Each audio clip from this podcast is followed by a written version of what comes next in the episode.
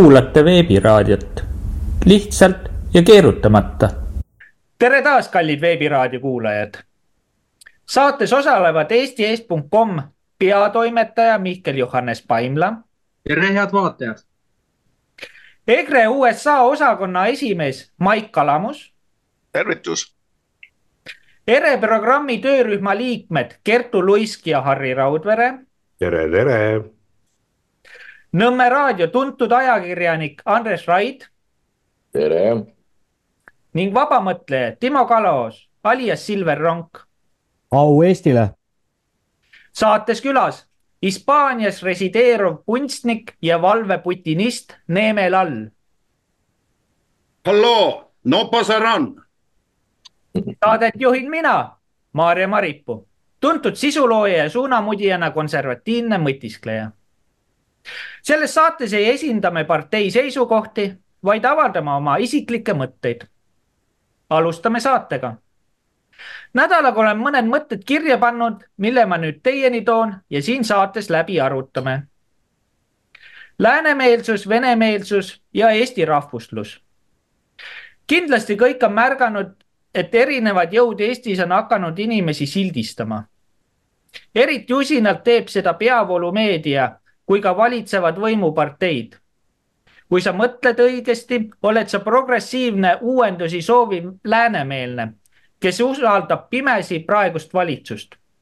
ülejäänud, kes pole rahul valitsuse tegevusega ning ei soovi kaasa minna läänest tulevate uuendustega, mis on suuresti orkestreeritud globalistide poolt plaaniga luua orjanduslik ühiskond, oled automaatselt venemeelne ja putinist kuid Eesti rahvuslastega on üldse huvitav seis, kes suuresti on konservatiivid. Nad ei soovi läänest tulevaid muutusi, kuid toetavad kohati globalistide poolt nässu keeratud poliitika tulemusel Ukraina ja Vene sõda ning külvavad samuti Vene viha ühiskonnas ajal, kus immigratsiooniga toimub Eesti Vabariigi tegelik venestamine miks praeguses olukorras Eesti Vabariik ei võta Ungariga samat poliitilist suunda, vaid tüürib sisuliselt meid sõtta? mõistan, et me kõik soovime, et sõda Ukrainas lõpeks, kuid millise hinnaga Eesti Vabariigi jaoks? kuidas kommenteerite? ja annaks siis. Andres, sulle on, sa kogu aeg teed otsa lahti olgu pealegi tere veel kord, tõtt-öelda mm, ma suhtun suure ettevaatusega kõikidesse nendesse siltidesse, ükskõik, mis sinna kirjutatud on, täiesti ükskõik. sellepärast, et äh, no nagu sa mainisid, et venemeelsus või läänemeelsus. minule ei ole tegelikult selge, mida need terminid endas tegelikult sisaldavad Äh, see on nagu näiteks eestimeelsus, mis tähendab eestimeelsus, kas see tähendab, et vastuvaidlematu allumine valitsusele, kes parasjagu võimul on, ükskõik, mida ta teeb, ükskõik, kellest see valitsus koosneb, ükskõik, kelle poolt ta on pukki aidatud või sinna pandud näiteks. ENSV, palun väga, oli see valitsus, siis oli seesamane seltskond väga paljuski, kes kiitsid kõik takka, olid sellega kõik rahul olid ka otsekui, no ma ei tea, mis meelsed need siis olid. kodumaameelsed või, või kuidagi niimoodi. nüüd on nad. noh, kas eestimeelsed või siis või, või, või no, no Venemaa on, venemeelne ei saa olla üks, ükskõik, mis asi see on. saab olla ainult paadi usku, no Vene on paat ka muide. no see on, see on kergitate seda paati, saate sealt veel paadi aluse ka kätte, nii et noh. et ma suhtuksin sellesse. Mm, kui nüüd tõsiselt rääkida, siis, siis väga ettevaatlikult ja mul ei ole pilt selge, mida need äh, tähendavad. igal juhul neid asetate, kui selle paneb läänemeelne, edumeelne, ütleb, et see on rahvusmeelne, siis on see negatiivse maiguga kui rahvusmeelne ütleb, et see on lääne, läänemeelne, liberaalne, siis on see ka negatiivse maiguga. positiivse maiguga tundub praegu olevat ainult, et vaadake, kuna meil vaatamata sellele, et meil tegelikult, meil on sotsiaalkomisjonid ja ja, ja kõik muud sellised asjad, aga sotsiaalse problemaatikaga meil keegi ei tegele. ja seetõttu tundub mulle vähemalt, see on nüüd hüpoteetiline asi, et öö, peab olema konformsus või konformne. see tähendab meele järgi, kus parasjagu puhub, maha tegema kõik seda, mida üldiselt kõik maha, maha teevad.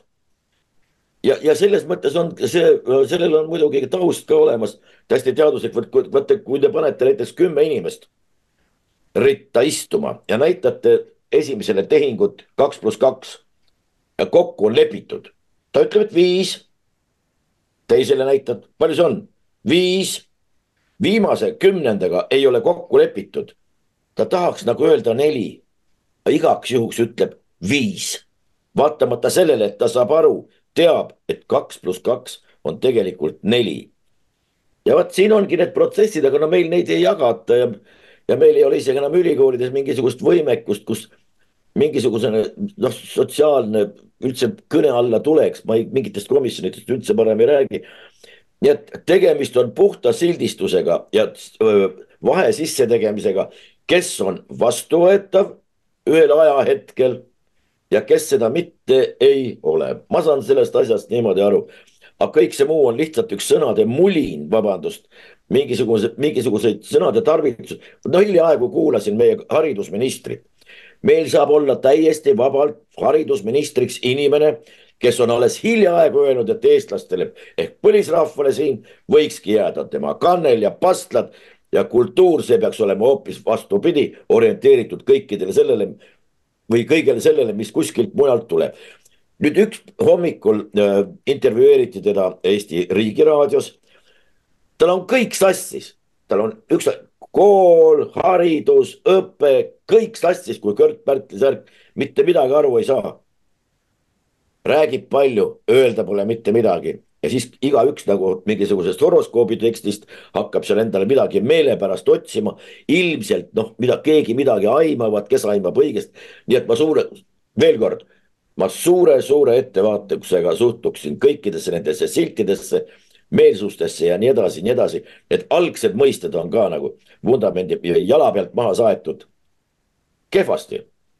ja see on keele küsimus ja meele täpselt samuti täiesti nõustun Harri.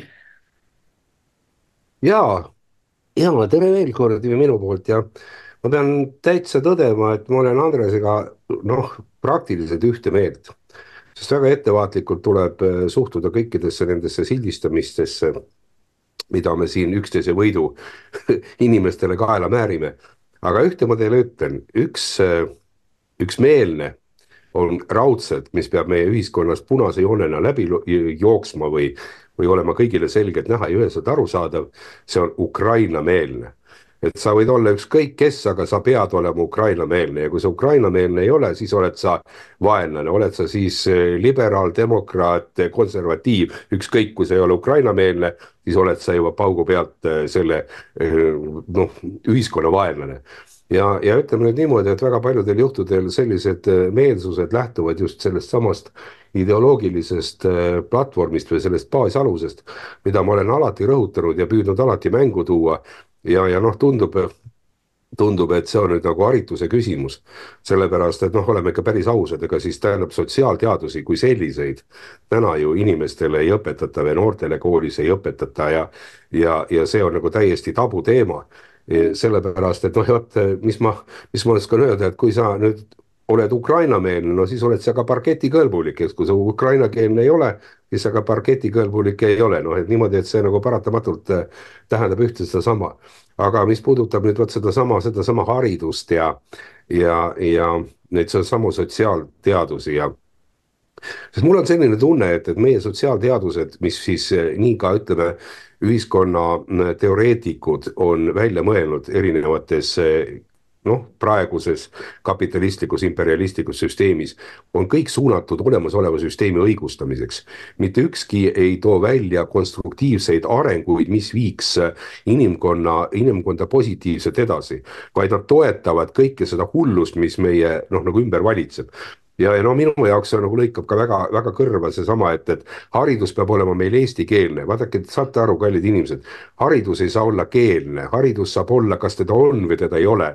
haridus võib olla inglisekeelne, prantsusekeelne, võib olla kasvõi setukeelne, eks. aga, aga, aga haridus ja haritus, need on kaks nagu täiesti erinevat asja ja tõmmata siin nagu paralleel, et ta peab just olema konkreetselt eestikeelne keelne on minu meelest natukene, natukene väär eesti keele ja kultuuri tagamiseks või kindlustamiseks siin ühiskonnas on kindlasti hoopis teised hoovad ja palju ratsionaalsemad hoovad, mis annaksid võimaluse, mis annaksid võimaluse sellel kesta läbi aegade ja, ja noh, ma tean ise omast käest olen tundnud seda sildistamise valu ja mõnu ja, ja kõiki neid asju, tähendab. ühel hetkel, kui see, kui see pull lahti läks, ma nimetaks seda tõesti pulliks siin ühiskonnas. kui see pull lahti läks, siis ma tõesti tundsin ennast isiklikult natukene solvatuna.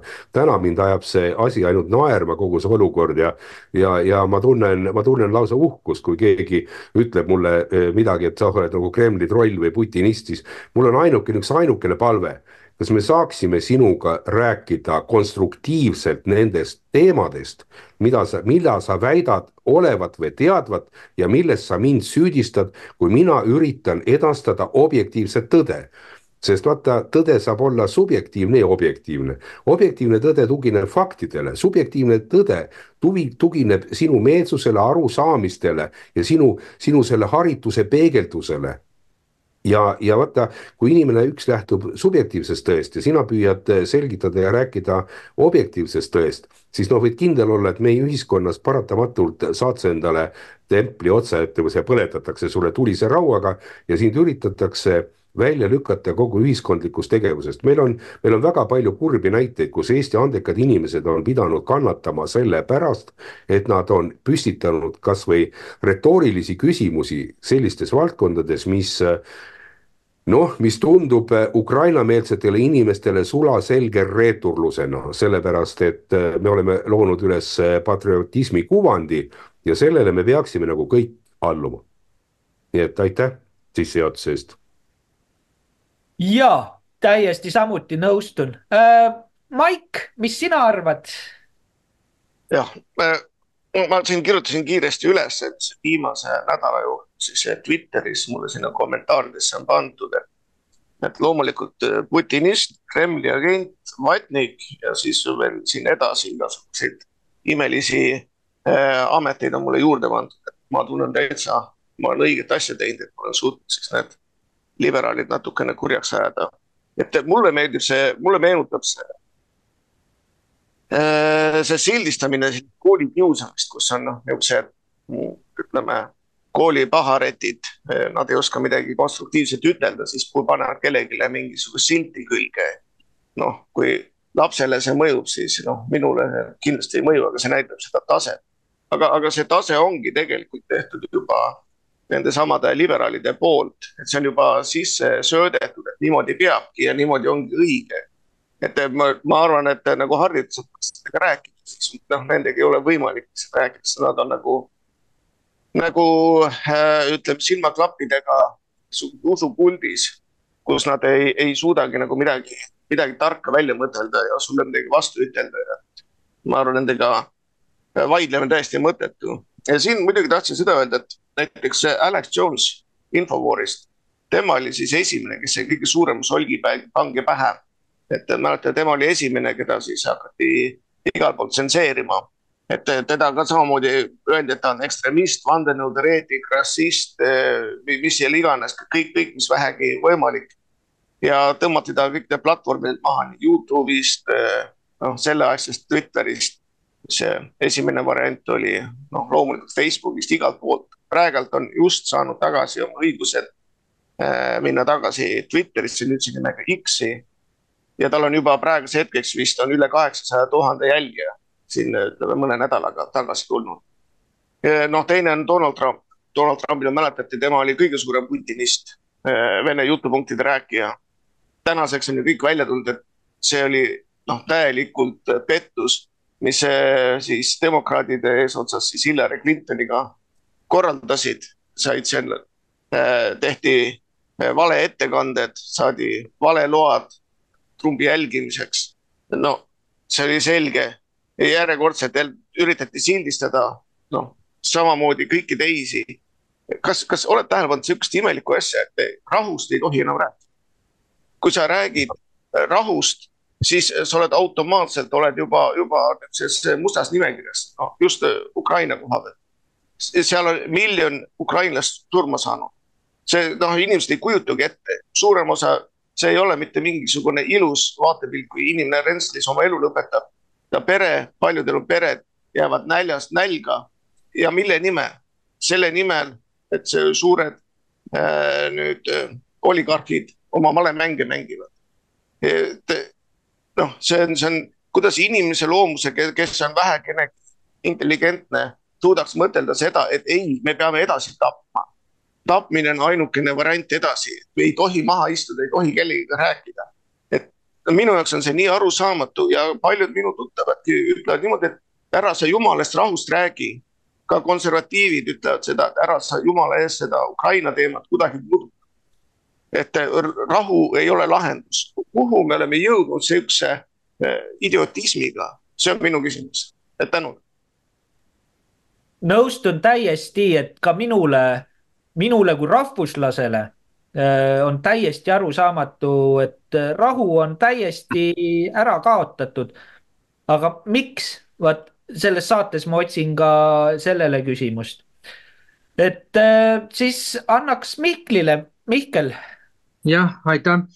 et kõigepealt paar punkti sellist, mida kiirelt markeerida üle, et kui siin kolm aastat tagasi hakati sildistama ütleme inimesi, kes keeldusid süstidest ja siis veel ka maskidest, kõigest sellest, siis sisuliselt noh, see võrdlus oli, et kaks pluss kaks võrdub viis. Ja seda, seda siis püüti nagu inimestele pähe taguda, et kaks pluss kaks ongi viis, aga ei ole neli, kuigi tegelikult on neli. nii et siin nagu selline sildistamine on võtnud lausa epideemilised mõõtmed. Ja see on noh, muidugi üks osa sellest kõigest, mis siin nagu on aset leidnud. Ja kahju, kahjuks peab ütlema, et need, kes äh, seda koolikiusamist nagu selles tähenduses äh, läbi teevad äh, teiste inimeste peal, on need, kellel endal millestki on puudu jäänud ja siis elavad oma kompleksse teiste inimeste peal välja. ja siin üldse nagu sellest sotsiaalmeediast noh, kiirelt rääkides, et on nagu huvitav jah, et keelati kolm-neli aastat tagasi, kui korraldati USA-s nii-öelda võltsoperatsioon ja siis selle tulemusel Biden sai presidendiks ja korraldati erinevaid keelamisi, noh, Trumpi keelati, Alex Jonesi. Ja nüüd eh, just eh, sel aastal, eh, mil on nüüd tulemas märgilise tähendusega valimised, et siis nüüd on antud neile võimalus sõna anda, aga kas nad saavad seda teha valimisteni, see on juba iseküsimus. aga sildistamisest üldse nagu sellisest meelsuste väljendamisest, kui võtta sedasi, et läänemeelseteks peetakse inimesi, kes usuvad kõike, mida peavoolumeedia räägib, siis me räägime siin nagu sellest, et, et need on juba suuresti usk, uskumas ainult seda, mida neile öeldakse ja oma mõtlemist neil noh, sisuliselt ei ole, et uh, usuvad subjektiivset tõde, mida massimeedia pähe istutab, aga objektiivset tõde, mida räägitakse näiteks mitmete, mitte niinimetatud ekspertide poolt, vaid kogemustega ja noh, iga tõeliste teadmistega inimeste poolt, et vot seda nad ei taha uskuda. ja siin puudutaks ka seda Eesti rahvusluse teemat eh, niivõrd-kuivõrd, et, et rahvuslane eestlaste tähenduses on see, et kui sa usud oma koduriiki ja oma maad ja rahvast. aga siin, siin konservatiivsusega tuleb see küsimus, et kui me usume Ukraina sõda, aga samal ajal eh, tahame ükskord näidata, et eestlus on oluline, siis eh, mina küsiksin niimoodi, et mikspärast me peame saatma selliseid rahasid, relvasid ja ma ei tea, kõike veel välisriikidesse, no eeskätt Ukrainasse, et äh, siis saaksime justkui oma tagatised ja kaitsed äh, tehtud. et äh, kuhu me oleme tänaseks jõudnud, kui me räägime siin, et, et üks konservatiiv ütleb meiesugustele, kes suudavad ise mõelda, et ära sa räägi Ukrainast või et ära üldse nagu oma sellist arvamust, et et Ukrainat ei tohi toetada või midagi sellist, et äh, siis automaatselt saad sildi külge, et äh, siin äh, möödunud aastal ju mitmel korral näiteks oli vist Andres Mustan, kes käis Venemaal, kohe sai sildi külge ja tühistati, aga nagu näha, siis pärast seda, kui meie lugupeetud praegune peaminister siis ja tema perekond sattus sellesse idavedudes skandaali sisse, siis tehti kohe, ei, meil ei ole siin mingit probleemi, et, et me ei hakka isegi vabandama sellest, et me oleme selliseid asju teinud, et unustage ära. ja nüüd veel selle juurde tulles, et kui siin räägitakse sellest, et rahu on vaja tagada ja seda ka tulevikus, siis viimasel ajal just need narratiiviloojad, kes meil siin Ekspress meedias või kus iganes räägivad, et et oi, Ukraina sõja võit äh, Ukraina osas, et siis, siis alles läheb asi paremaks niimoodi. no mina sellesse isiklikult küll ei usu, sellepärast et kui me räägime siin, et Ukraina võimaliku võiduga, kui nad seda tahavad tõesti saavutada, et kaasneb ühiskonna totaalne digitaliseerimine, siis andke andeks, mina sellise jaburuse poolt küll nõus ei ole, et, et te, te mõelge ikka natukene, mida te soovite. ja ühe asja veel ütleksin siia lõppu ära, et et meil on viimasel ajal nagu sellised narratiivid tulnud, et kui sa tahad rahu, siis tegelikult äh, sa justkui õhutad teist poolt, et, et see saavutaks oma eesmärgid. et äh, noh, siis sisuliselt, et ma näiteks ütleme niimoodi, et, et kui sa ei toeta Ameerikat, siis sa oled kohe mingisugune, ma ei tea, venemeelne või mis iganes, aga kui sa ei toeta Taiwan'i, siis sa oled kohe Hiina-meelne, et noh, niisugune noh, lõpmatu jaburus, ütleksin niimoodi aga siinkohal esialgu ma lõpetaks, et äh, annaksin sõna üle Kertule. ja aitäh, tervitused minu poolt ka. Noh, see, see rahu on üks väga kallis asi ja kui sõjas nii palju raha ei liiguks, siis neid sõdasid ei oleks ka.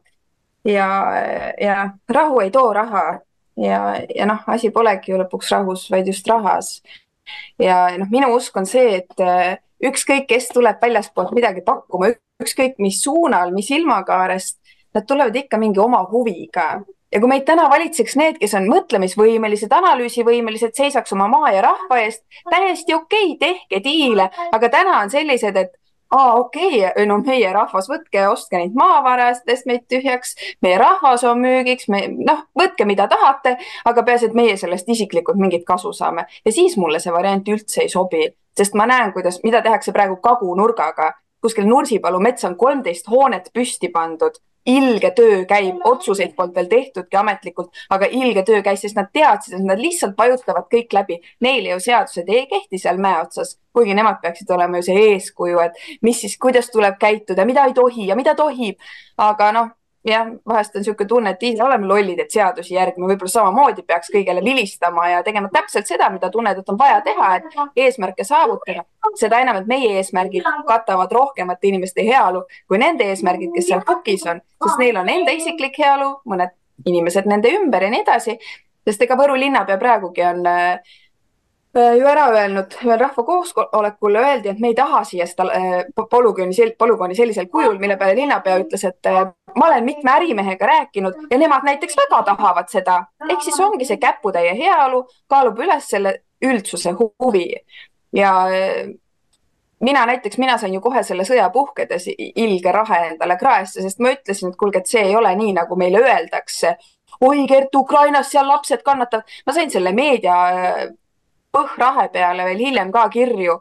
Äh, Kertu, kas sa tõesti tahad, et Ukraina lapsed sureksid ja kuidas sa, kuidas sa üldse niimoodi saad teha? mina mõtlen, et kas te aru ei saa, see, millest mina räägin, tooks just kiiremini lahenduse ja rahu. inimesed, ärge minge selle jamaga kaasa, ärge uskuge seda. just see, millega teie praegu kaasa lähete, mida teie finantseerite oma annetustega, see toob kaasa rohkem kannatusi, valu, surmasid, aga ei, tol hetkel oli Kertu putinist ja siin aastavahetuselgi veel üks sots pühendas oma aastavahetuse sellele, et teha selgeks, et Kertu on ikka ilgelt Kremli-meelne ja oi, tema ikka mm. -hmm. sealsamas ma mõtlen, need tüübid tulevad minu kohta ütlema Kremli-meelne, kui tänasel päeval vahetuks võim, olekski näiteks Eesti-Venemaa sihuke allüksus, need mehed oleks edasi pukis, sest nemad teevad ükskõik mis poosi, peaasi, et on kasulik neid mehi ei peagi murdma, nad, nad ongi lihtsalt siuksed, ma ei tea, tuulelipud.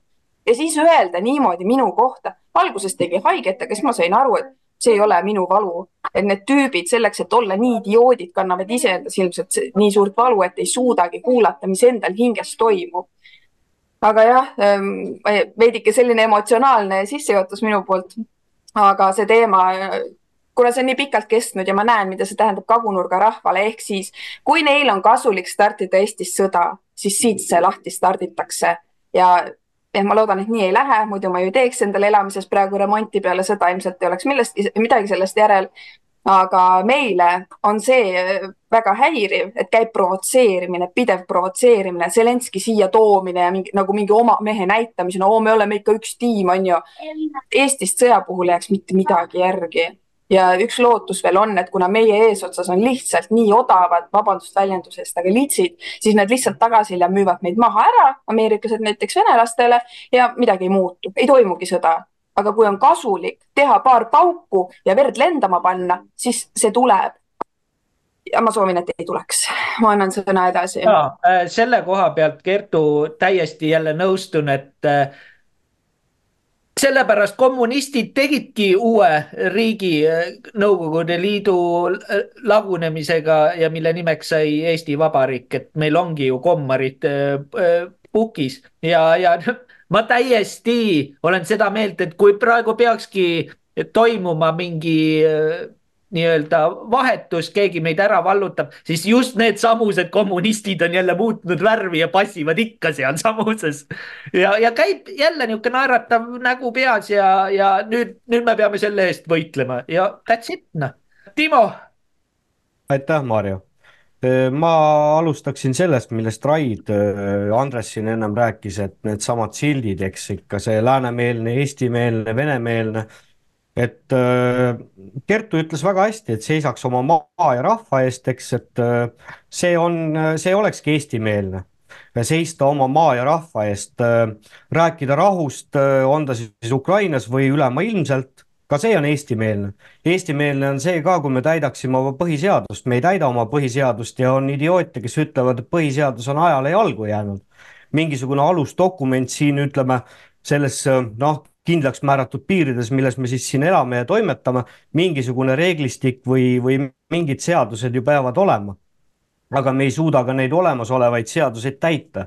et noh, siin võib näiteid tuua e, e-valimised ja, ja noh, okei okay,, esialgu võib-olla ei tulegi rohkem näiteid siis ma, äh, Harri viitas siin sellele, et keegi siin äh, kedagi sõimab vatnikuteks või siis Kremli venemeelseteks et ma enam-vähem aiman, kellele ta viitas, ta viitas ilmselt ajakirjanik, no nii ta vähemalt ennast nimetab, Martin Lainele, et siit ka üleskutse Martin Lainele, võid järgmisest meie saatest osa võtta, tule debateerime, vaatame, teeme kindlaks need mõisted, kes on siis venemeelne, kes on läänemeelne, kes on eestimeelne.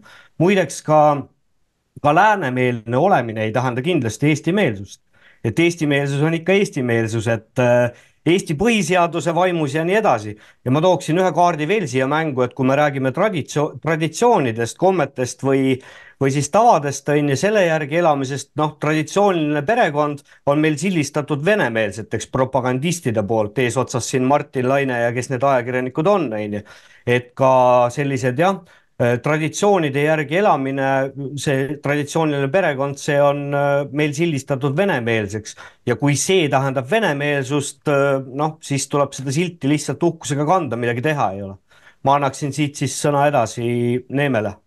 ja äh, tahtsingi sissejuhatuseks öelda, et äh, sellepärast ma Neeme kutsusingi, kuna äh, Putin ei võtnud ju telefoni vastu ja ma ei saanud lihtsalt peale peale Neeme keegi ei vasta mulle, noh. ja Neeme, mikker on sinu. no nii, tervitusi siit äh, Hispaania poolt äh, meie ülikvaliteetsele, eruteeritud, intelligentsele ja äh, ääretult empaatilisele foorumile.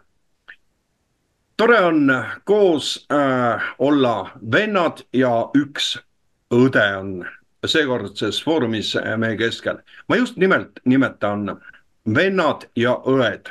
et ma tooksin sisse äh, sellele kolmele äh, nii-öelda täna töödeldavale punktile eestimeelsus, läänemeelsus ja venemeelsus, tooksin äh, sisse veel ühe mõõtme, see on kristusmeelsus. see on kristusteadvus. ja see mõõde see mõõde on äh, ääretult transcendentne, mida on praktiliselt võimatu määratleda, mis, kes, kus ja millest lähtub kristusmeelsus. et see peaks eeldama seda, et selleks peaks olema kristlane. kaugel sellest, sõbrad, kallid vennad selleks ei pea olema Jeesuse Kristuse vastu võtnud oma isikliku päästjana, nagu me tunneme kristluse alusdoktriine ähm,.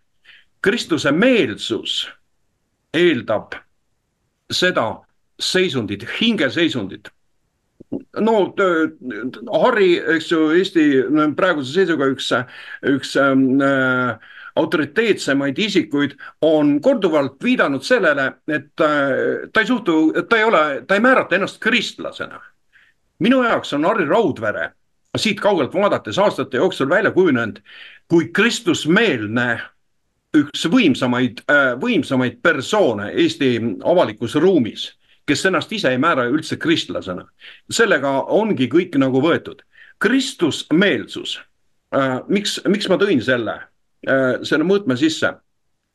Kasutan juhust, et mitte sellest teemast edasi liikudes seda mitte unustada.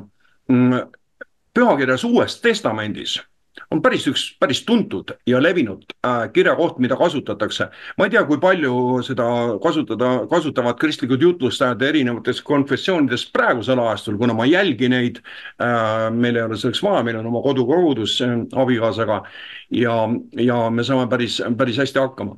ja see kõlab nüüd äh, nii-öelda vabas vabalt esitatuna niimoodi. rahu ei ole ma tulnud teile tooma vaid mõõka olen tulnud teile tooma. see on viide Kristusele. sealt edasi ma, ma ütlen, see on, ma ei hakanud välja otsima, et, et mitte piiblis seda kohta, mis on mul siin küll paremal käe all. nii et see on nagu vabas tõlkes, et see mõte joonistuks välja mitte rahu ei ole ma tulnud teile tooma, vaid mõõka, kus äh, poeg läheb isa vastu Ähm, ema läheb äh,, tütar läheb ämma vastu ehk konfrontatsioon ehk viide sellele kus kohas toimub aeg-ajalt, see ei ole püsivalt, toimuvad sellised ülivõimsad inimteadvusele käsitamatul tekkivad konfrontatsioonid me saame ainult tagantjärgi nentida, me saame konstanteerida igapäevaselt seda muutuste spektrit, mis, mida me saame küll dateerida mingisuguses äh,, mingisuguse niisuguse äh, diapasooni raames, et see hakkas aktiivselt peale aastal kakskümmend. Praeguse seisuga me oleme jõudnud siis ka nelja, kahekümne, kahekümne neljanda aasta algusesse ja mm, ma juhiks tähelepanu sellele, et uustestamentlik üks müstiline arv on kolm pool aastat.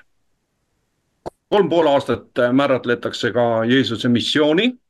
eelnevalt tema tegevusest puudub ju absoluutselt, siin on igasugune informatsioon. Äh, kolm pool aastat Jeesuse Kristuse tegevust on äh, aktiivselt äh, siis kaetud äh, kõiges neljas evangeeliumis, kolm pool aastat vältab ja selle kolm, äh, tema missioon ja selle raames äh, leiavad aset kõik need sündmused, mida siis äh, võiks nimetada piibellikeks sündmusteks. see on küllaltki, küllaltki õhukene see, see info, mis neid sündmusi markeerib, aga see mõõde siis määratult paar tuhat aastat tagasi tõi ähm, üldisesse inimteadvuse suurde ruumi, inimteadvuse kõigi üle kõikvõimalike kultuuride, rasside, tõi uue mõõtme. ja kuskilt sealt, vot nendelt meridiaanidelt hakkavad tegelikult need asjad peale. nii et eestimeelsus äh,, läänemeelsus ja venemeelsus on siis nüüd nagu see kolmik, mille, kus kohas me peaksime selgust saama ähm,. armsad vennad olid, esitasid väga äh,, väga veenvaid äh, fakte, argumente, tõdemusi, seoseid, aga öö, paraku tuleb, tuleb tõdeda seda, et see kõik ongi see reaalsus. ehk võiks öelda, et me öö, liigutame nagu mingisugust infosuppi, seisame, seisame niisuguse paja ees ja me liigutame seda infosuppi.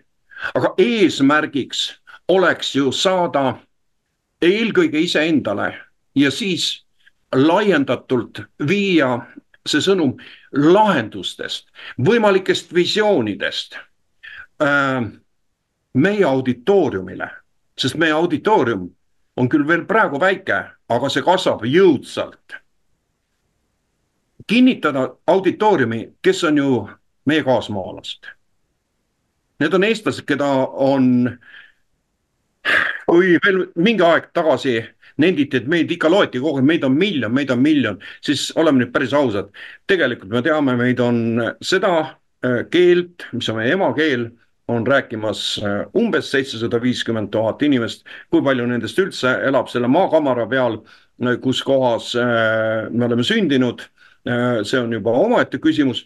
praegu siin selleski foorumis on, me oleme ühendatud siis Ameerika, Soome, Hispaania ja siis äh, ülejäänud on veel siiski ustavalt äh, Eesti maakamara peal ja tõusevad hommikul ja lähevad õhtul magama seal maal, kus me kõik oleme tegelikult sündinud, mis moodustabki minu hinnangul eestimeelsuse, see on emakeel Need on täpselt nii, nagu need on konstitutsiooni preambulas on sisse kirjutatud need ilusad sõnad, need lihtsad elulised alused.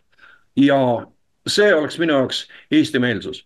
aga mul ei ole siin kuskil stopperit, ma ei näe, kui palju me oleme rääkinud äh, ma tean, et mul on kalduvus rääkida eeter niimoodi täis, et ähm, äh, see ei ole äh, päris intelligentne. et siinkohas ma oma mõtte lõpetaks, aga mu agenda jätkub siis, kui ma saan jälle sõna. ma tänan ja aitäh, aitäh selle pika ja sisuka sissejuhatuse eest.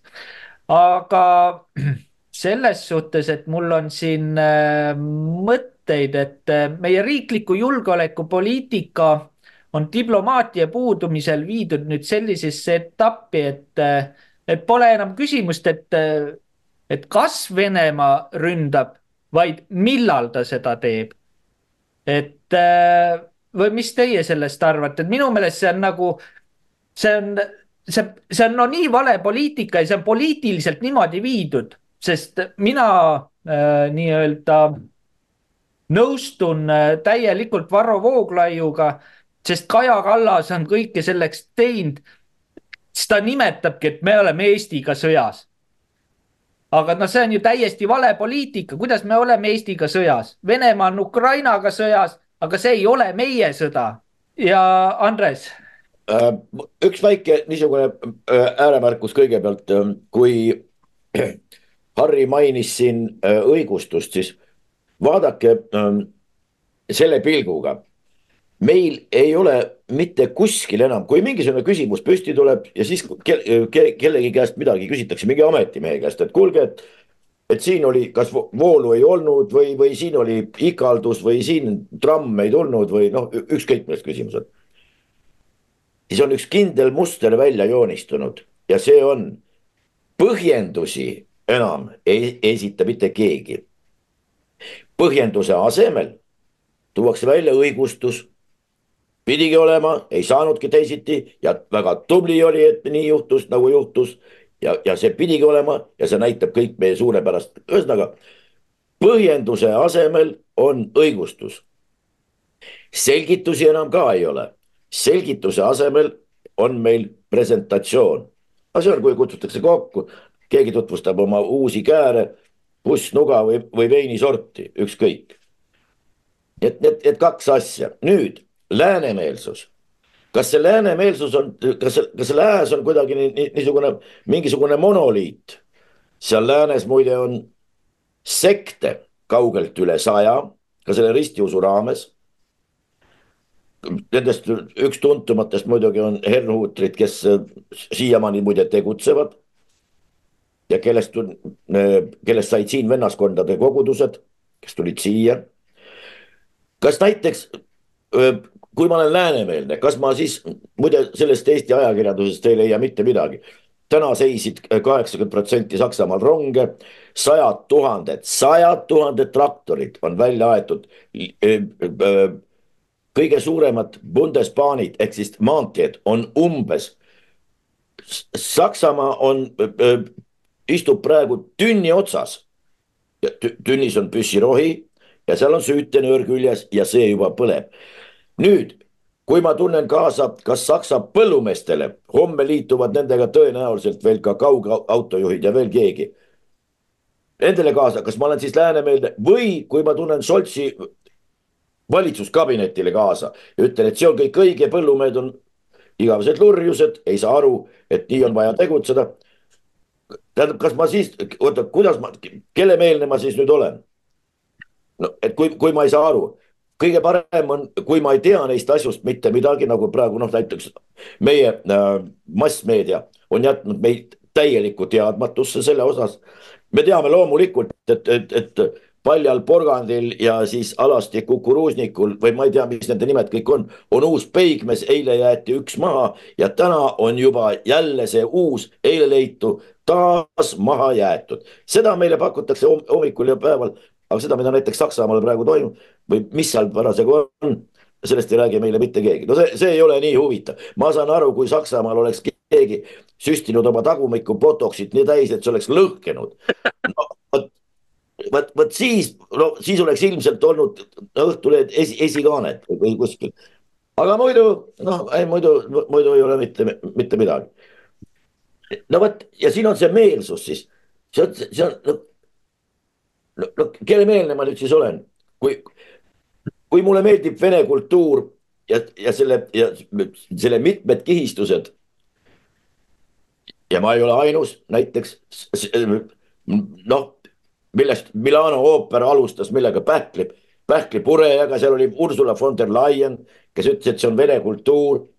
ja, ja, ja see, see ongi väga, väga tore ja väga kihvt vot aga siis Ursula von der Leyen on ka venemeelne, kui ta nüüd seda balletti läheb sinna vaatama või, või kui ta ütleb, et ma ei, ma ei taha sellest Tšaikovskist midagi kuulda, siis, siis ta ei ole venemeelne või.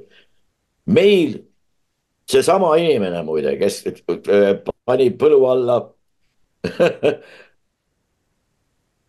Andres Mustoneni, tema eestvõtmisel enam Tšaikovski festivali Haapsalus muide ei ole, sellepärast et see, no Tšaikovski ei kõlba, no kuhu see kõlb. tähendab, mis meelne siis see nüüd on või, või keel või.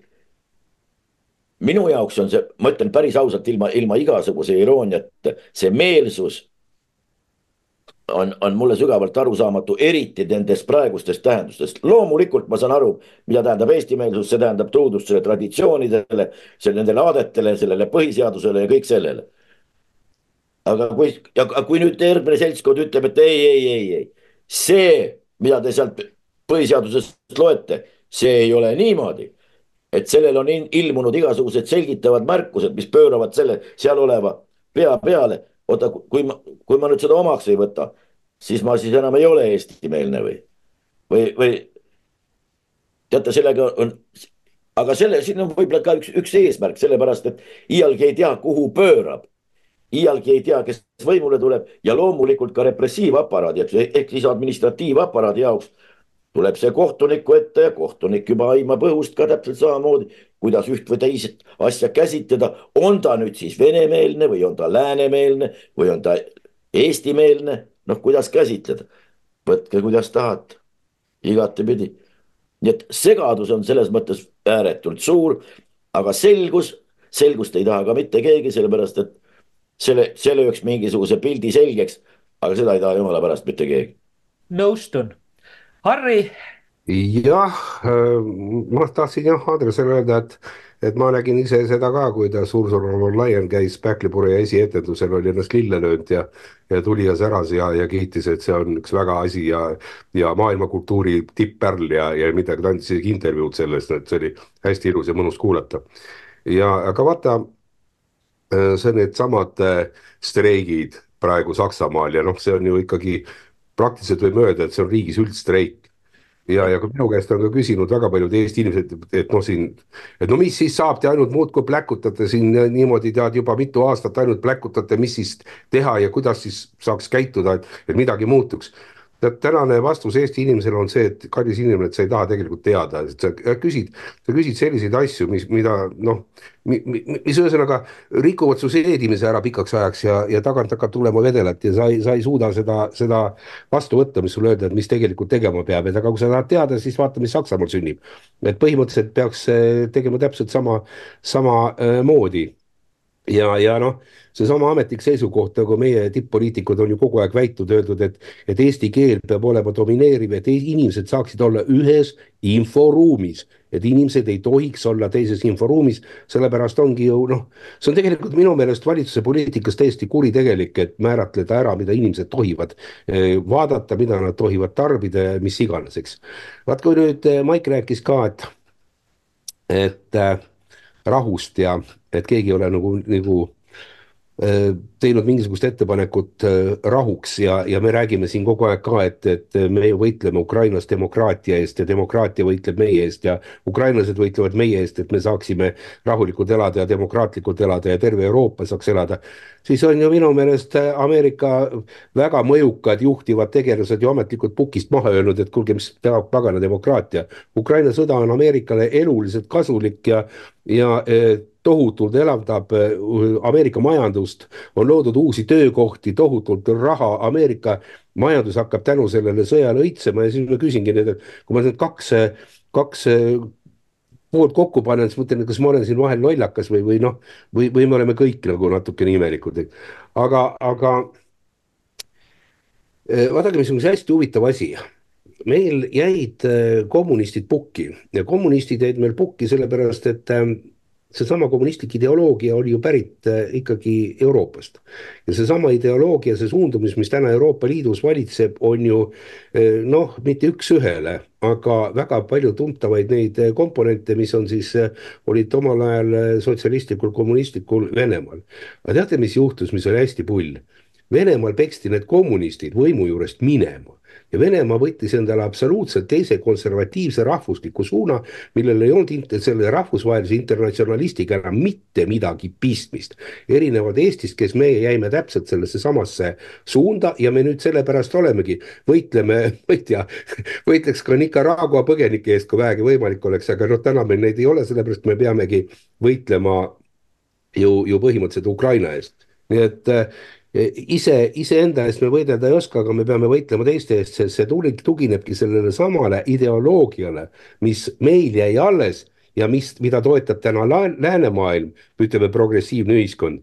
ja aga Venemaa, Venemaa hävitas selle ideoloogia oma riigist ära ja tal on rahvuslik konservatiivne suhtumine praegu ja vot need ongi see konflikt, mis on kokku põrkunud, ongi tegelikult ideoloogia äh, baasil.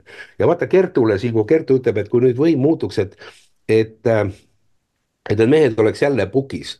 ma sügavalt kahtlen selles, sellepärast et see vastuolu nende meie kommorite ja, ja Vene äh, poole vahel, see on seesama ideoloogiline vastuolu, mida, mida noh, mida meist ei räägita või mida ei taheta teada või, või, või no võib-olla paljud inimesed isegi ei mõista seda. aga, aga ideoloogiline vastuolu on selline tore asi, et ideoloogilised vastased tuleb hävitada ja vaat selles on olemas ajalooline kogemus, kuidas eh, kommunistid Venemaal võimule tulid, kuidas nad hakkasid kõigepealt läbi punase terrori oma kommunistlikke või neid, neid ideoloogilisi vastaseid hävitama, kes ei tunnistanud eh, seda ideoloogiat, mida nemad tahtsid ühiskonnale eh, põhimõtteliselt peale suruda. Tiimal on muidugi hästi, hästi hea mõte, et kutsuda see isehakanud Ekspressi ajakirjanik diskussioonile ja et, et teha, teha siis nagu siin saates selgeks, et kes on siis venemeelne ja kes on läänemeelne ja, ja, ja võib-olla me jõuame isegi siis seisukohale või, või arusaamisele või tõekspidamisele, kes on tegelikult lihtsalt loll. nii et ma arvan, et see oleks nagu suurepärane võimalus, et, et selline asi nagu välja nagu noh, nagu pakkuda. ja, ja, ja teine asi, mis on veel, eks ju, noh, mis seda meie maailma kammitseb me kammitseb seesama seitse surmapattu on võimust võtnud. Ja, ja koos seitsme surmapatuga, mis on võimust võtnud, kaovad ära traditsioonid, et kui hea etendus, ma, ma olen seda rääkinud ja ma ütlen seda veel kord, et ma soovitan kõigil vaatama minna, see on see Lehman Brothers Draamateatri etendus, kus, kus nii ilusasti alanud ettevõtmine pere, pere business, kuidas see läks korstnasse sellepärast, et tallati jalge alla need traditsioonid, mis hoidsid neid koos. tähendab, me ei hakka vaatama eh, rahvuslikku eripära ega mitte midagi muud, me räägime sellest samast põhimõttelisest käsitlusest. ja vot, kui meie ka need eh, põhimõttelised traditsioonid ja seisukohad, mis meid koos hoiaksid, tallume siin jalge alla läbi sellesama kommunistliku ideoloogia, mis eh, mis kaotaks ära rahvusriigid ja, ja teeks meist sellised juurteta massi, siis oleks muidugi noh, täiesti no meie jaoks katastroofiline, meie rahvuse ja riigi jaoks ja, ja kui sa ütled, et ütlete ka veel, et diplomaatia meil puudub, ei, meil diplomaatia on ju täiesti olemas, aga diplomaatia on, on vales suunas ja diplomaatia on moonutatud. küsimus on selles, et, et, et kas, kas seda diplomaatiat aetakse ühes suunas ja seda diplomaatiat aetakse teises suunas, aga me ei saa öelda, et seda ei ole. välisministeerium töötab, terve suur hord on kõiksuguseid diplomaatiaid, diplomaate igale poole laiali saadetud. kas neid on vaja või mitte? no külarahvas ütleb selle peale täpselt nii palju nagu kirjuid kohitsemata koeri jookseb mööda maailma ringi. palju, palju sellest Eesti riigile tegelikult tolku on, no see on muidugi küsimus omaette. aga, aga rahust rääkides no küsime siis jälle nii vastikult retooriliselt selle küsimuse, et milline lääne poliitik, milline lääneriik on rääkinud tõesti enne Ukraina relvakonflikti põhk, puhkemist rahust, kuidas seda lahendada rahulikul teel mitte keegi, kõik tahtsid seda sõda. ja, ja seesama Ameerika ametnike väljaütlemine on täna ju täiesti adekvaatne, et sõda on kasulik ja sõda tuleb pidada ja mina ütlen ka, et kui te räägite veel sõjast, mis tegelikult ei ole sõda, sest sõda tähendab ikkagi ametlikult välja kuulutatud nooti teise riigi suhtes. nii ei ole Ukraina kuulutanud Venemaale sõda, ei ole Venemaa kuulutanud Ukrainale sõda, ei ole teised riigid kuulutanud ka Venemaale sõda, käib aga nagu mingisugune jalalt jalale hüppamine, deklareerimine ja kõik, kõik hõõruvad käsi kuidas saaks aga raha, kuidas saaks müüa, Eesti kaitsetööstus hakkab kohe varsti õitsema, sellepärast et Ukrainast tulevad jälle meeletud tellimused ja vaesed ukrainlased peavad selle raha kuskilt võtma ja, ja muidugi suurendama Eesti riigi no mm, käivet, majandust tõstma, et meie eluolu läheks järjest paremaks.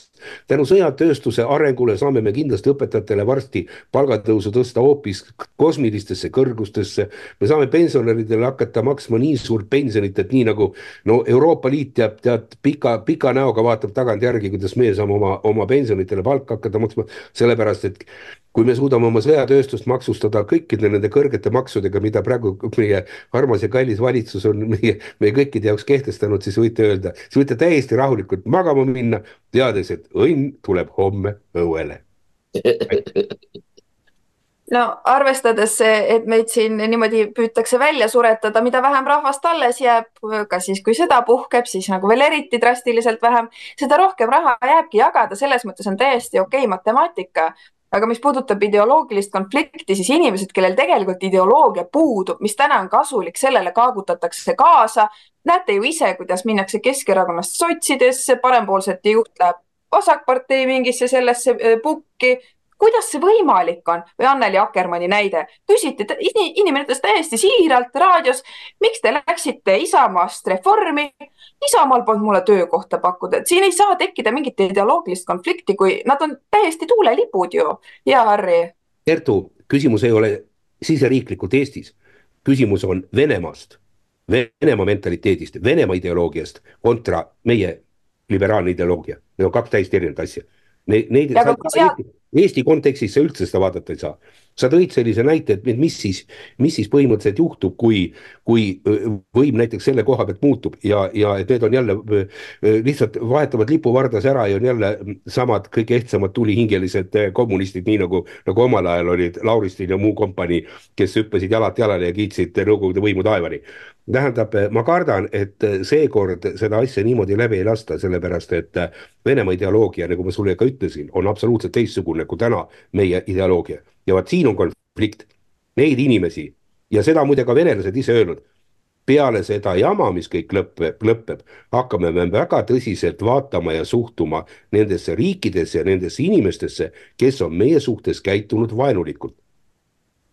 See on, see on varjatud hoiatus, see ei ole minu välja öeldud, see on Venemaa kõige kõrgem olema inimese välja öeldud seisukoht praeguses olukorras ja ainult loll ei teeks sellest oma järeldusi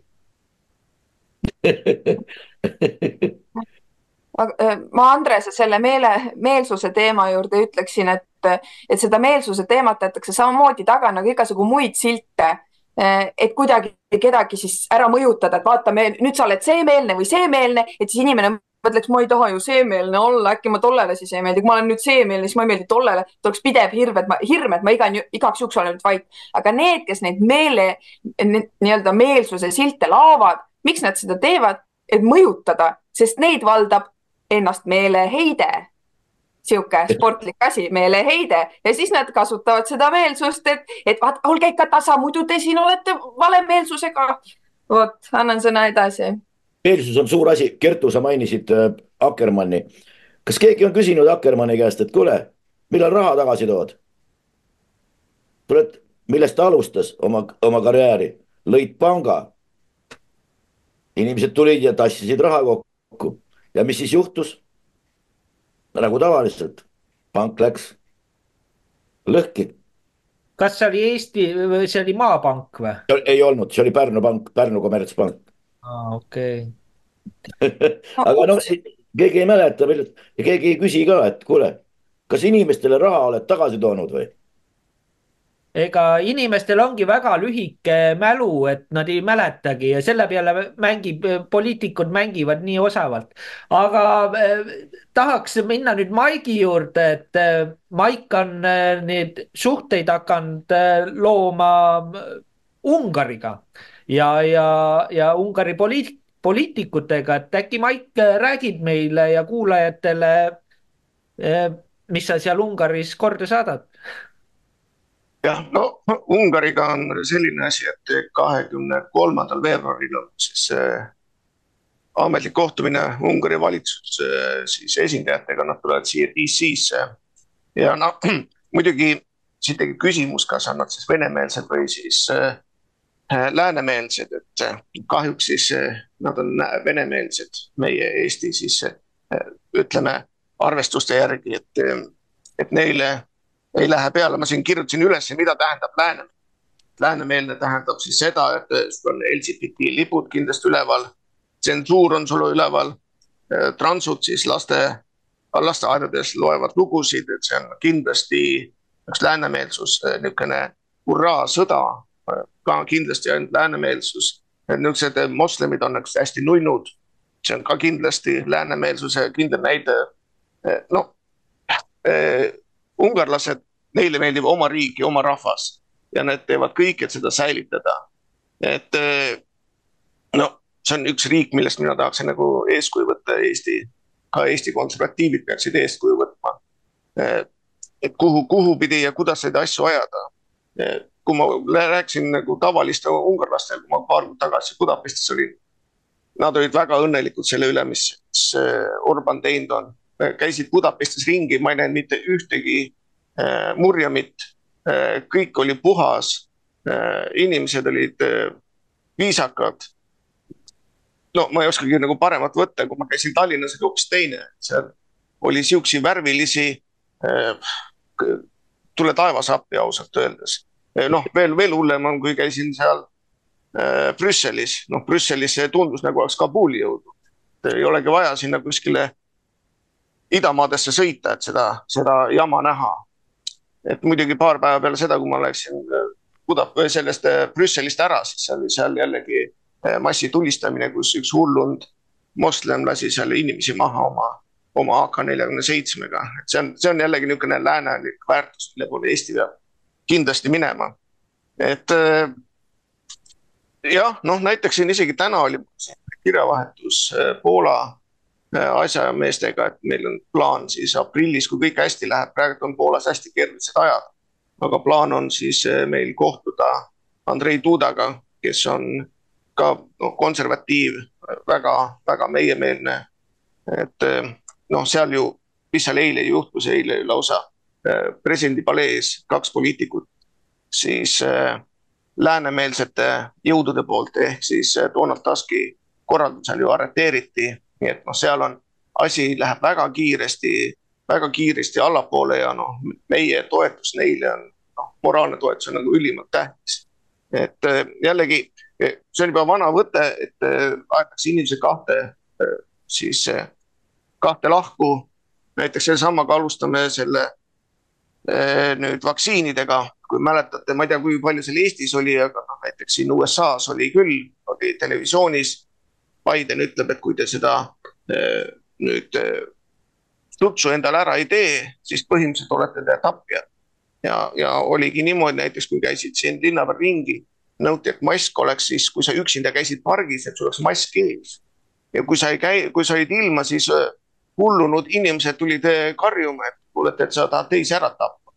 noh, see näitab, kui, kui hullunud ja kui rumal on rahvas või kui mõjutatav ta on. nüüd seesama Ukraina asi, noh jällegi sa, sa ei saagi teistmoodi mõtelda või küsimusi esitada.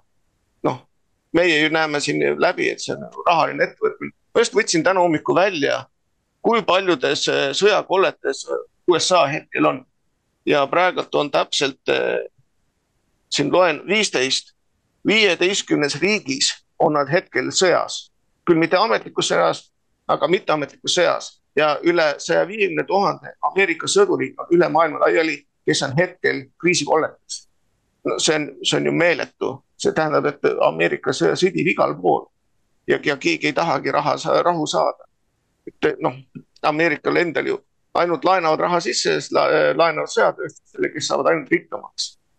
Et ma loodan, ma vastasin su küsimusele. Mike, Äh, Maik, mul on ainult üks niisugune küsimus, kas äh, Ühendriikides on, on sel, sellest laiemalt ka räägitud, vähemalt noh, ma, ma olen mitme, mitme ajakirja nii-öelda saaja, regulaarne saaja. seal on, seal on küll juttu sellest, et näiteks kui Taiwan'i konflikt peaks lahti minema, seal arvestatakse rahaga väga-väga täpselt. Taiwan'i konflikt tähendaks seda laevade kinniminekut, see tähendaks umbes viit protsenti skp vähenemist maailmale see tähendaks viite triljonit dollarit hävingut otsekohe. nii et Ühendriigid panustavad sinna õige kõvasti ja siin mingisugune sada miljardit Ukrainale, see on niisugune suhteline köömes. huvid on tegelikult hoopis kuskil mujal, kas sellest räägitakse niimoodi noh, suures meedias ka seal? Ja muidugi, äh, no selge on see, kiibid ju kõige suurem osa kiipe tehakse ju Taiwanis ja noh, sellepärast ongi USA hakanud endale siin neid kiibitehaseid ehitama. aga noh, küsimus on selles, mitte kas tuleb sõda nüüd Taiwaniga, vaid millal see tuleb, sest et Hiinal on hetkel maailma kõige võimsam merevägi. Neil on kõige uuemad lennukid. noh, kui vaatate Ameerika omasid, noh, see on kahjuks on, on nad kõik vananenud juba tehnoloogia. Hiina on ilusti ära kopeerinud, teinud endale veel uhkemad ja paremad ja mis, mis veel on ameeriklastel, ameeriklastel on vananenud enda kaitse, kaitsevõime. et noh, sellest on ka räägitud just sellepärast, et neid lõputuid sõdasi peetakse üle maailma, aga enda asjad on hooletusse ja kõike võetakse siin, võetakse asju ärina. keegi, ütleme, kongressman, senaator tahab võimule saada, kelle käest ta raha saab. number üks, kelle käest ta raha saab, on siis kaitsetööstus ja, ja mille, kelle järgi ta siis hääletab? loomulikult ta hääletab selle järgi, saab sinna sõda. vaadake seda, mis Nikki Haley praegu teeb. miks ta, kust ta rahasid saab? tal on rohkem äh, nüüd äh, kampaaniaraha kui kellelgi teisel. loomulikult jällegi neid, Boeingul, neist need, kellel tulevad äh, ütleme, need kontraktid sõja, sõja jätkamisega. Ja mida ta ütleb, et me peame veel sõdima ja veel rohkem sõdima, peame ikkagi Moskva alla minema. no see näitab, et noh, mitte midagi paremaks ei lähe ja kelle peale see sõjatööstus panustab, noh Trumpi peale nad ei saa panustada. kahjuks Trump on siis mees, kes mõtleb oma peaga üldjoontes. aitäh. palun. aga mida te sellest arvate? ma kogu aeg nagu vaatan praegu Eesti, Eesti seisukohta nii-öelda et Ameerika peab olema liitlane ja, ja vihkame Venemaad. aga samas tuleb tangot osata tantsida, täpselt nagu on Soome on teinud äh, läbi aastakümnete.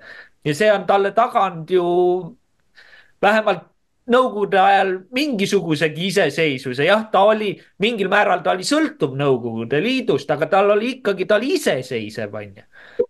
No ma annaksin väikse, väikse vähemärkuse sulle, mida ma olen inimestele seletanud, kui nad ei saa aru Venemaast. kujutage ette, teil on oma maja, nüüd aga naaber krundile tuleb ja ehitab maja üks äh, tätoveeritud vana kinnistunud vend. nii, hakkab, paneb seal pidu äh,, lärmab öösiti, mis sa teed? punkt üks, kas sa lähed nüüd tema juurde, karjud talle näkku, ütled, sul on Juhan kuskilt teisest külast, kes tuleb ja annab sulle peksa. Noh, arvatavasti sa saad esimesena ise peksa no,, aga see selleks. või sa üritad temaga läbi rääkida ja panna paika siis punktid, mida teha. teed sinna suurema äh, aia ümber, võtad endale koju paar relva, ta ei tulegi sind torki.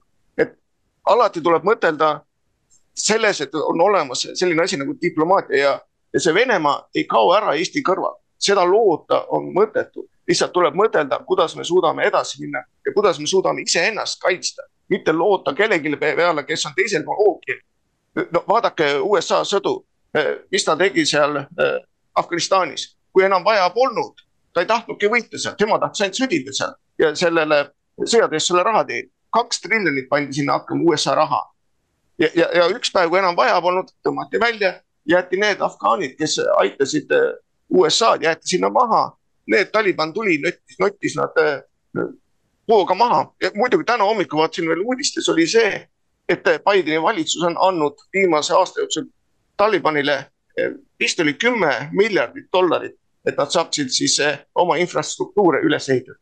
Need Talibani, kellega nad võitlesid kakskümmend aastat, antakse siis sellised summad ja samas meil ei ole kuute miljardit, et lõpetada USA piiri, et need neetud äh, illegaalid üle ei tuleks. viimase kolme aastaga on ju kaksteist miljonit üle roninud see, kellel paberit pole, need on kõik kohad täis.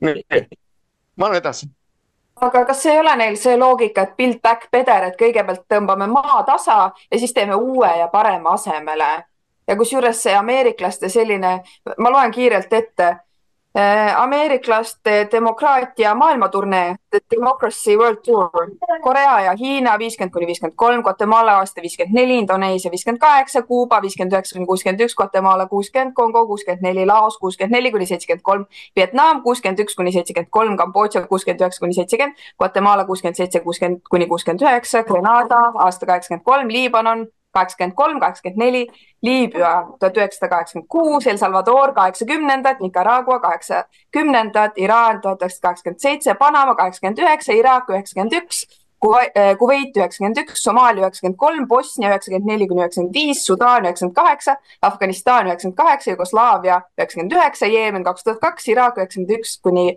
kaks tuhat kolm, Iraak kaks tuhat kolm kuni kaks tuhat viisteist, Afganistan kaks tuhat üks kuni kaks tuhat viisteist Pakistan kaks tuhat seitse kuni kaks tuhat viisteist, Somaalia kaks tuhat seitse kuni kaheksa, pluss kaks tuhat üksteist, Jeemen kaks tuhat üheksa, kaks tuhat üksteist, Liibüa kaks tuhat üksteist, kaks tuhat viisteist, Süüria kaks tuhat neliteist kuni kaks tuhat viisteist. The Democracy World Tour ehk siis ja. need on need ringi, riigid ja aastad, kus USA pommitas.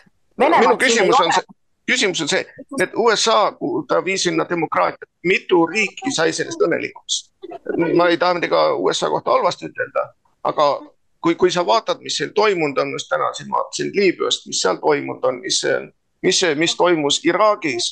Eh, noh, kui, kui seal oli e-, ennem veel midagi, siis noh, nüüd on seal täielik auk ja selle no. loogika alusel ei saa eestlased mõelda, et USA tuli siia midagi head tegema. me oleme mingi erand või? mõtlesid, igal pool mujal sigatsesime, saime hullult palju äh, endale kasu, saime endale mis iganes asju, maavarist ja nii edasi ja nüüd siia ja nüüd siia tulevad siis lihtsalt heast südamest, sest vaadake, eestlased, te olete erand, te olete nii nunnud siin oma pastelde ja kanneldega, et teile, teile me halastame, siia tulime ainult head tegema. inimesed no., ärgake üles, mõelge kaasa.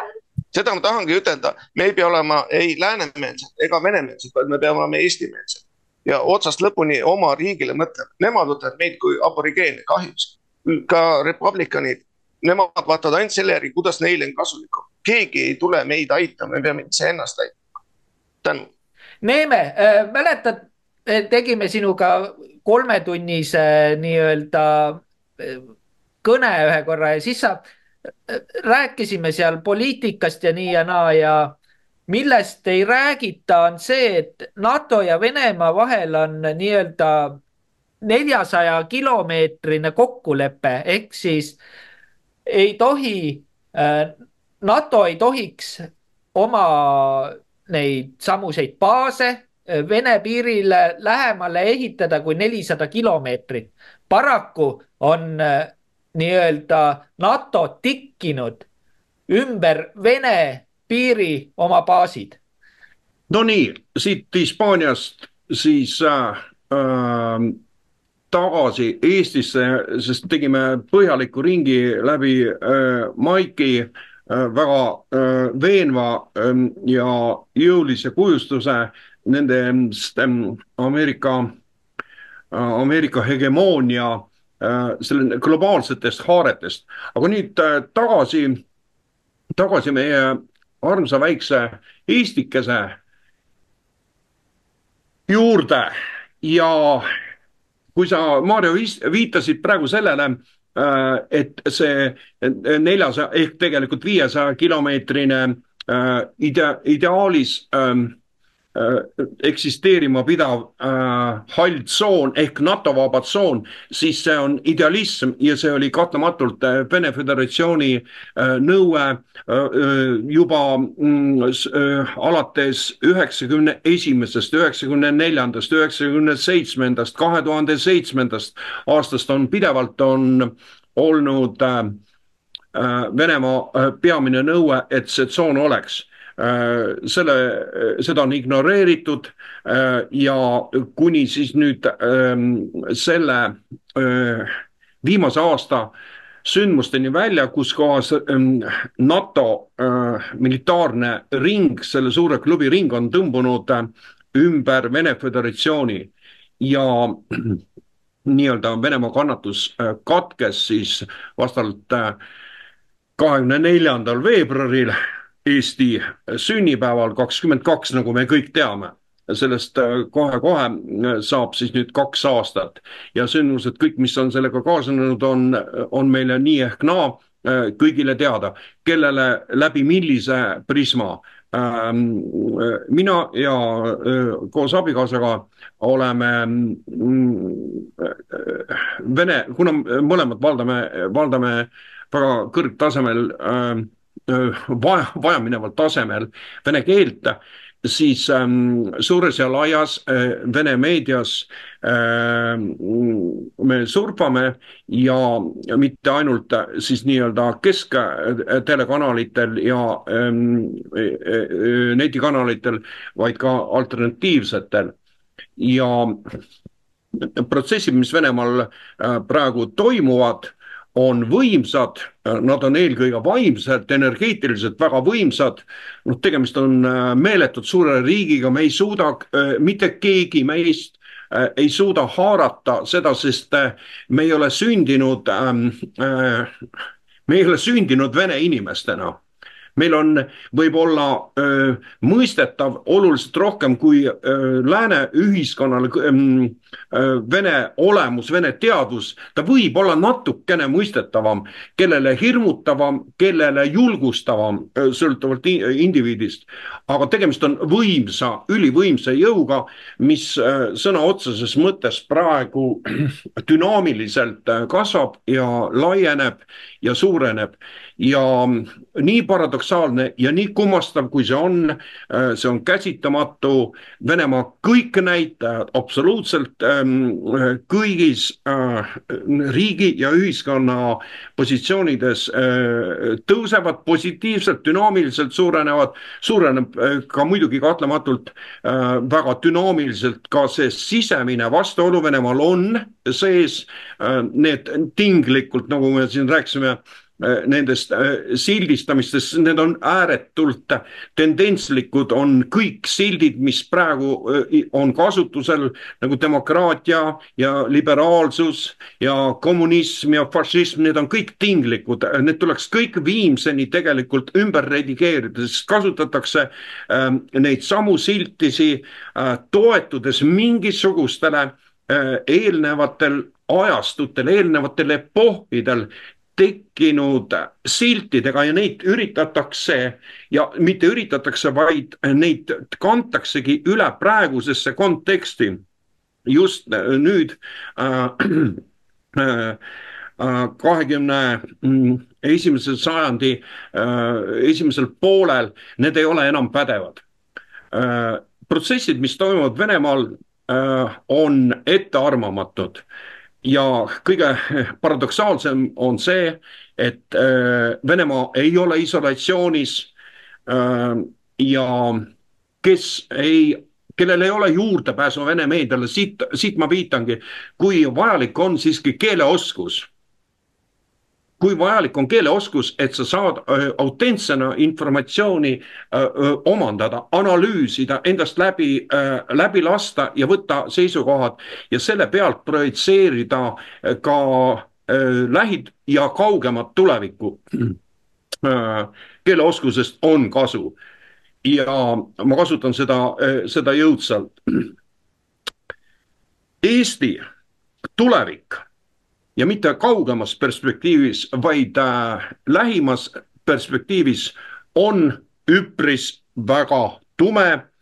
Ja äh, ma juhiks tähelepanu sellisele asja, sellisele mõõtmele, mille nimi on riskianalüüs tavakodanikud, ähm, kellel on äh, võime analüütiliselt mõelda, mitte soov mõelda, vaid analüütiliselt, kriitiliselt ähm, analüüsida sündmusi enda isiklikus elus või siis laiemas mastaabis, äh, kas väiksemas ühiskonna osas nagu, mis moodustab äh, meie, meie väikese rahvusriigi ja, ja meie keskkonna, eks ju, Eesti rahvas või siis äh, laiendada seda ka äh, laiemale, eks ju. see on riskianalüüs ja riskianalüüsis äh, on see, see koht äh, no ma tõmbaks tegelikult paralleeli, muidu see jutt läheb nagu kuidagiviisi hajub, eks. ma olen küllaltki siiras inimene ja ma ei varja kunagi oma, oma varjukülgesi oma elus. ma olen kahekümne kuues aasta olen absoluutne karsklane. See on märk selle kohta, et ma, et mul on öö, olnud öö, palju võitlemist alkoholismiga ja ma saavutasin selle tulemi, aga ma saavutasin selle tulemi mitte ainult üksi, üksi ma jõudsin tõdemuseni, et mul on valikud. ja see oli elu-surma küsimus, ma viitan, see oli ammu, see oli kakskümmend kuus aastat tagasi. aga ma mäletan seda ja mind toetas sealjuures üks tuntud Eesti poliitik. Äh, kuna ma olen anonüümne alkohoolik, nagu saate aru, siis loomulikult ma ei avalda mitte kunagi neid nimesid. aga see mees, äh, mees valdas väga kõrgeid tehnoloogiaid, ka temal oli võitlemist oma alkoholismiga. Ka tema saavutas, saavutas võidu. Ja ta tutvustas mulle selliseid asju, ta oli muide NATO koolitusega mees. Äh, ja niisugustes eraldi vestlustes ta rääkis riskianalüüsidest. Need olid tohutult põnevad, äh, põnevad, äh, põnev informatsioon, riskianalüüsid viiakse mõlemapoolselt, antud juhul, kuna praegu sellel epohhi muutval ähm, ajastul on kaks vastandlikku suurt võimast hegemooniat, see on lääs versus ida mõlemil pool töötatakse läbi riskianalüüsid, mis annavad terve, tervikpildi sellest, milliseks kujuneb olukord selles regioonis, kui me kaotame. ja need riskianalüüsid lähevad süviti, sellega tegelevad äh, nii-öelda tinglikult eriteenistuste eriosakonnad arvestades tänapäevaseid arvutivõimsusi ja informatsioonivõimsust, on need riskianalüüsid kõik äh, läbi viidud, nad on olemas, nendele juurdepääs on ülikeeruline aga riskianalüüs ja vot see, mis ma viitasin nüüd äh, niisugustesse riiklike institutsioonidele, on võimalik teha mõtleval inimesel. riskianalüüs, milliseks kujuneb olukord, kui jõuab kätte see X päev ja see X päev jõuab.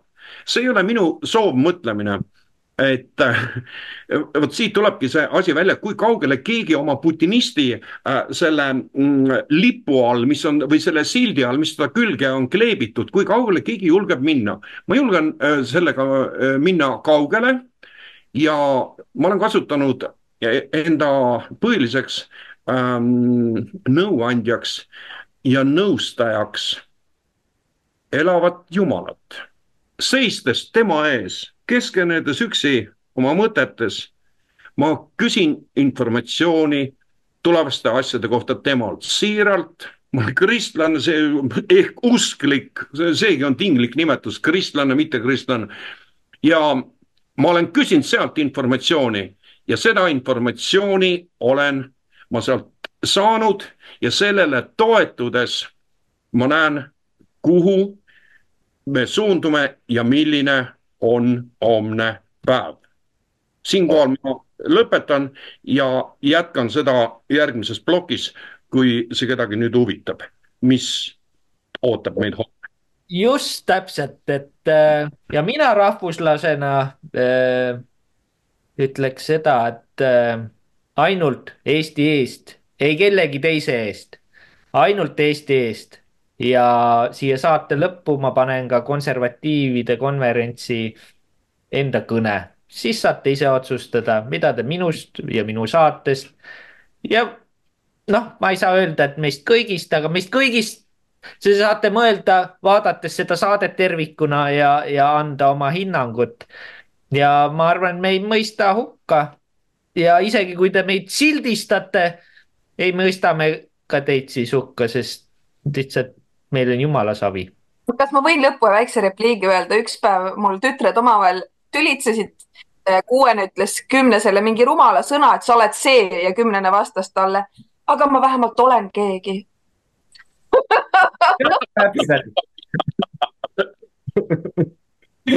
lapsesuu ei valeta. suurepärane. et ma siis võtangi siin asjad kokku, et endiselt ootan kirju inimestelt, keda liita kogukonnapõhise sotsiaalmeedia platvormiga info at mõtiskleja.ee. portaalis on juba hetkel kaksteist tuhat aktiivset kasutajat. samuti eesti.com ootab sisuloojaid, kontakt at eesti.eest.com.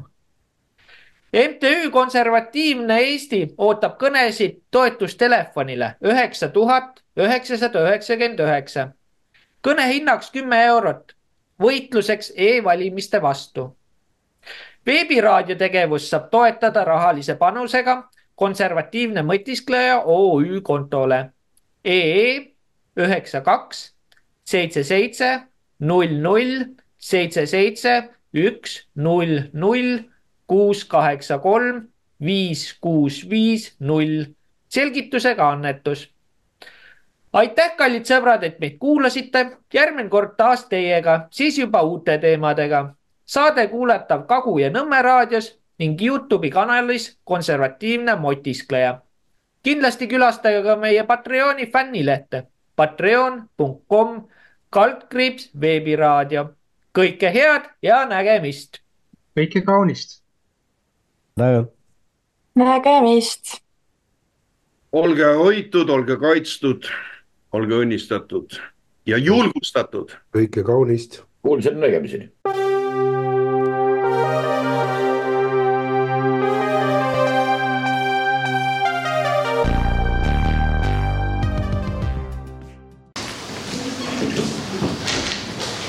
nii, tervist, mul on väga hea meel, et ähm, teid siin nii palju on. et kui ma Kertult sain siis esinemiseks siia kuu aega või rohkem tagasi, siis äh, ettepaneku, siis ma võtsin selle kindlalt vastu ja ma tegin ka kohe selle kõne, mille ma ka nüüd nii-öelda ette teile loen, mitte peast. ei, ei räägi.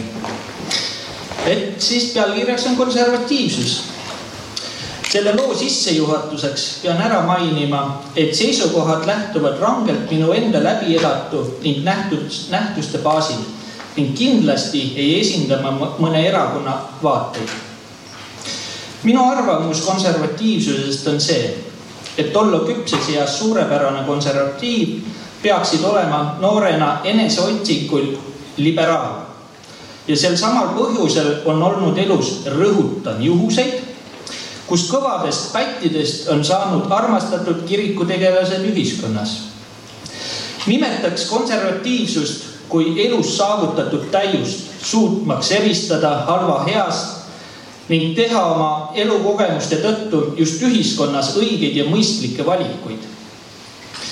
konservatiivsus ja liber-, liberaalsus on kui yin ja yang, mis sümboliseerib vastandite tasakaalu.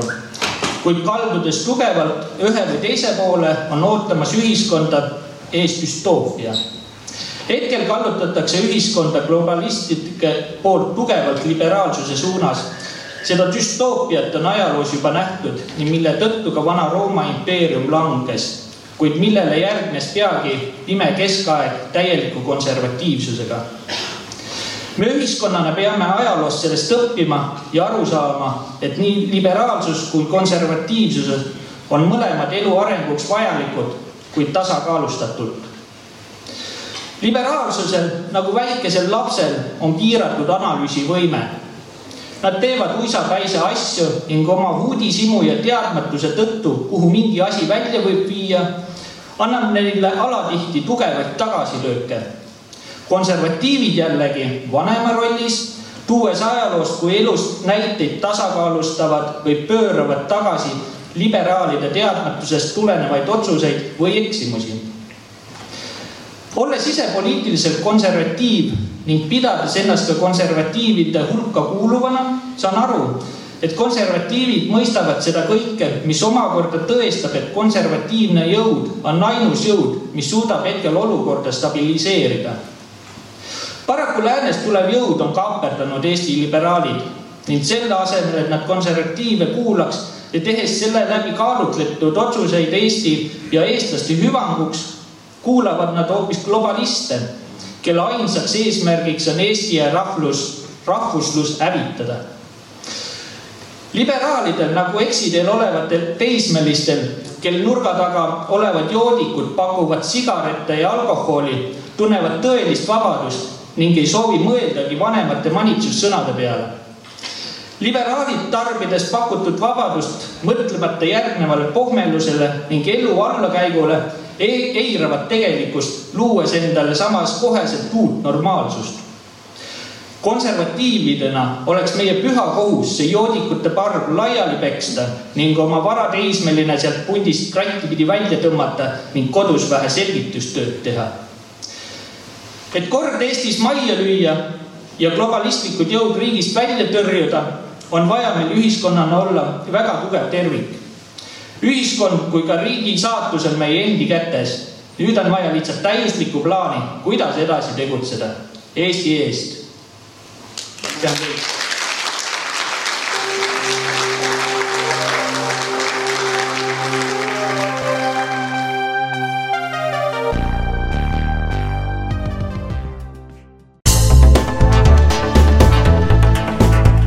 kuulasite veebiraadiot. Külastage kindlasti ka meie uudisteportaali www.eestieest.com